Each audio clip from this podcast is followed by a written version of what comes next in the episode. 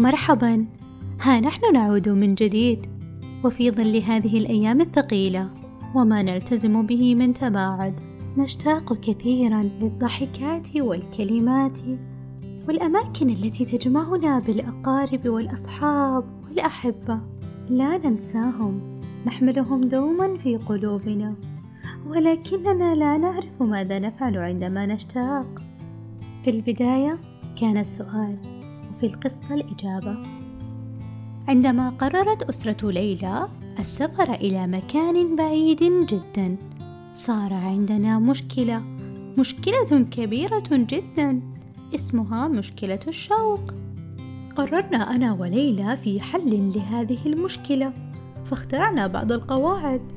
إذا اشتقت إلي ارفعي عينيك نحو السماء حينها سوف ينظر كلانا إلى الشيء نفسه.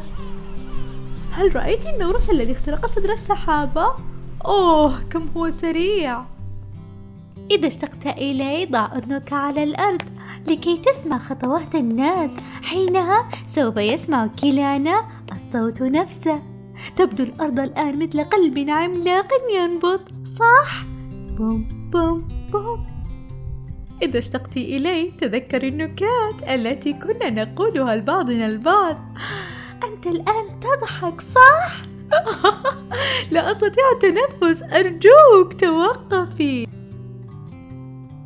إذا اشتقت إلي فتش في صندوق الألعاب عن الدبدوب واحتضنه بقوة. أوه دبدوب محشو بالحنان كم هذا مريح.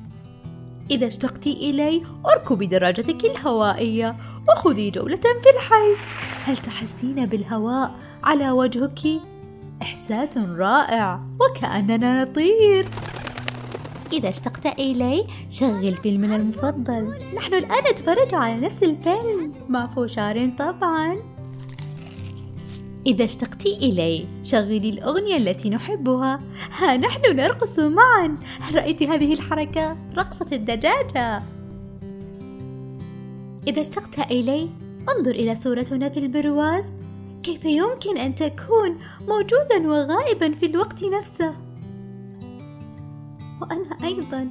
لدي نفس السؤال. إذا اشتقت إلي لا بأس أن تبكي. أشعر أحيانا أن القواعد لا تنفع.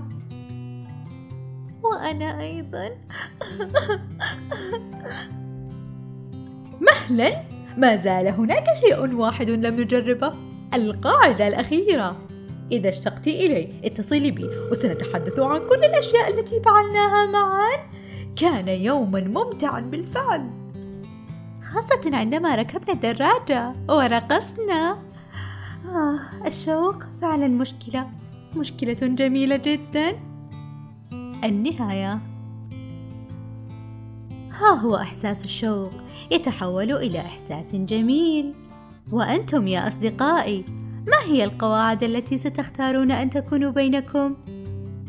يسعدنا أن تشاركونا قواعدكم الخاصة وتعليقاتكم حول القصة ومشاركتها مع الأحبة كواحدة من القواعد المقترحة.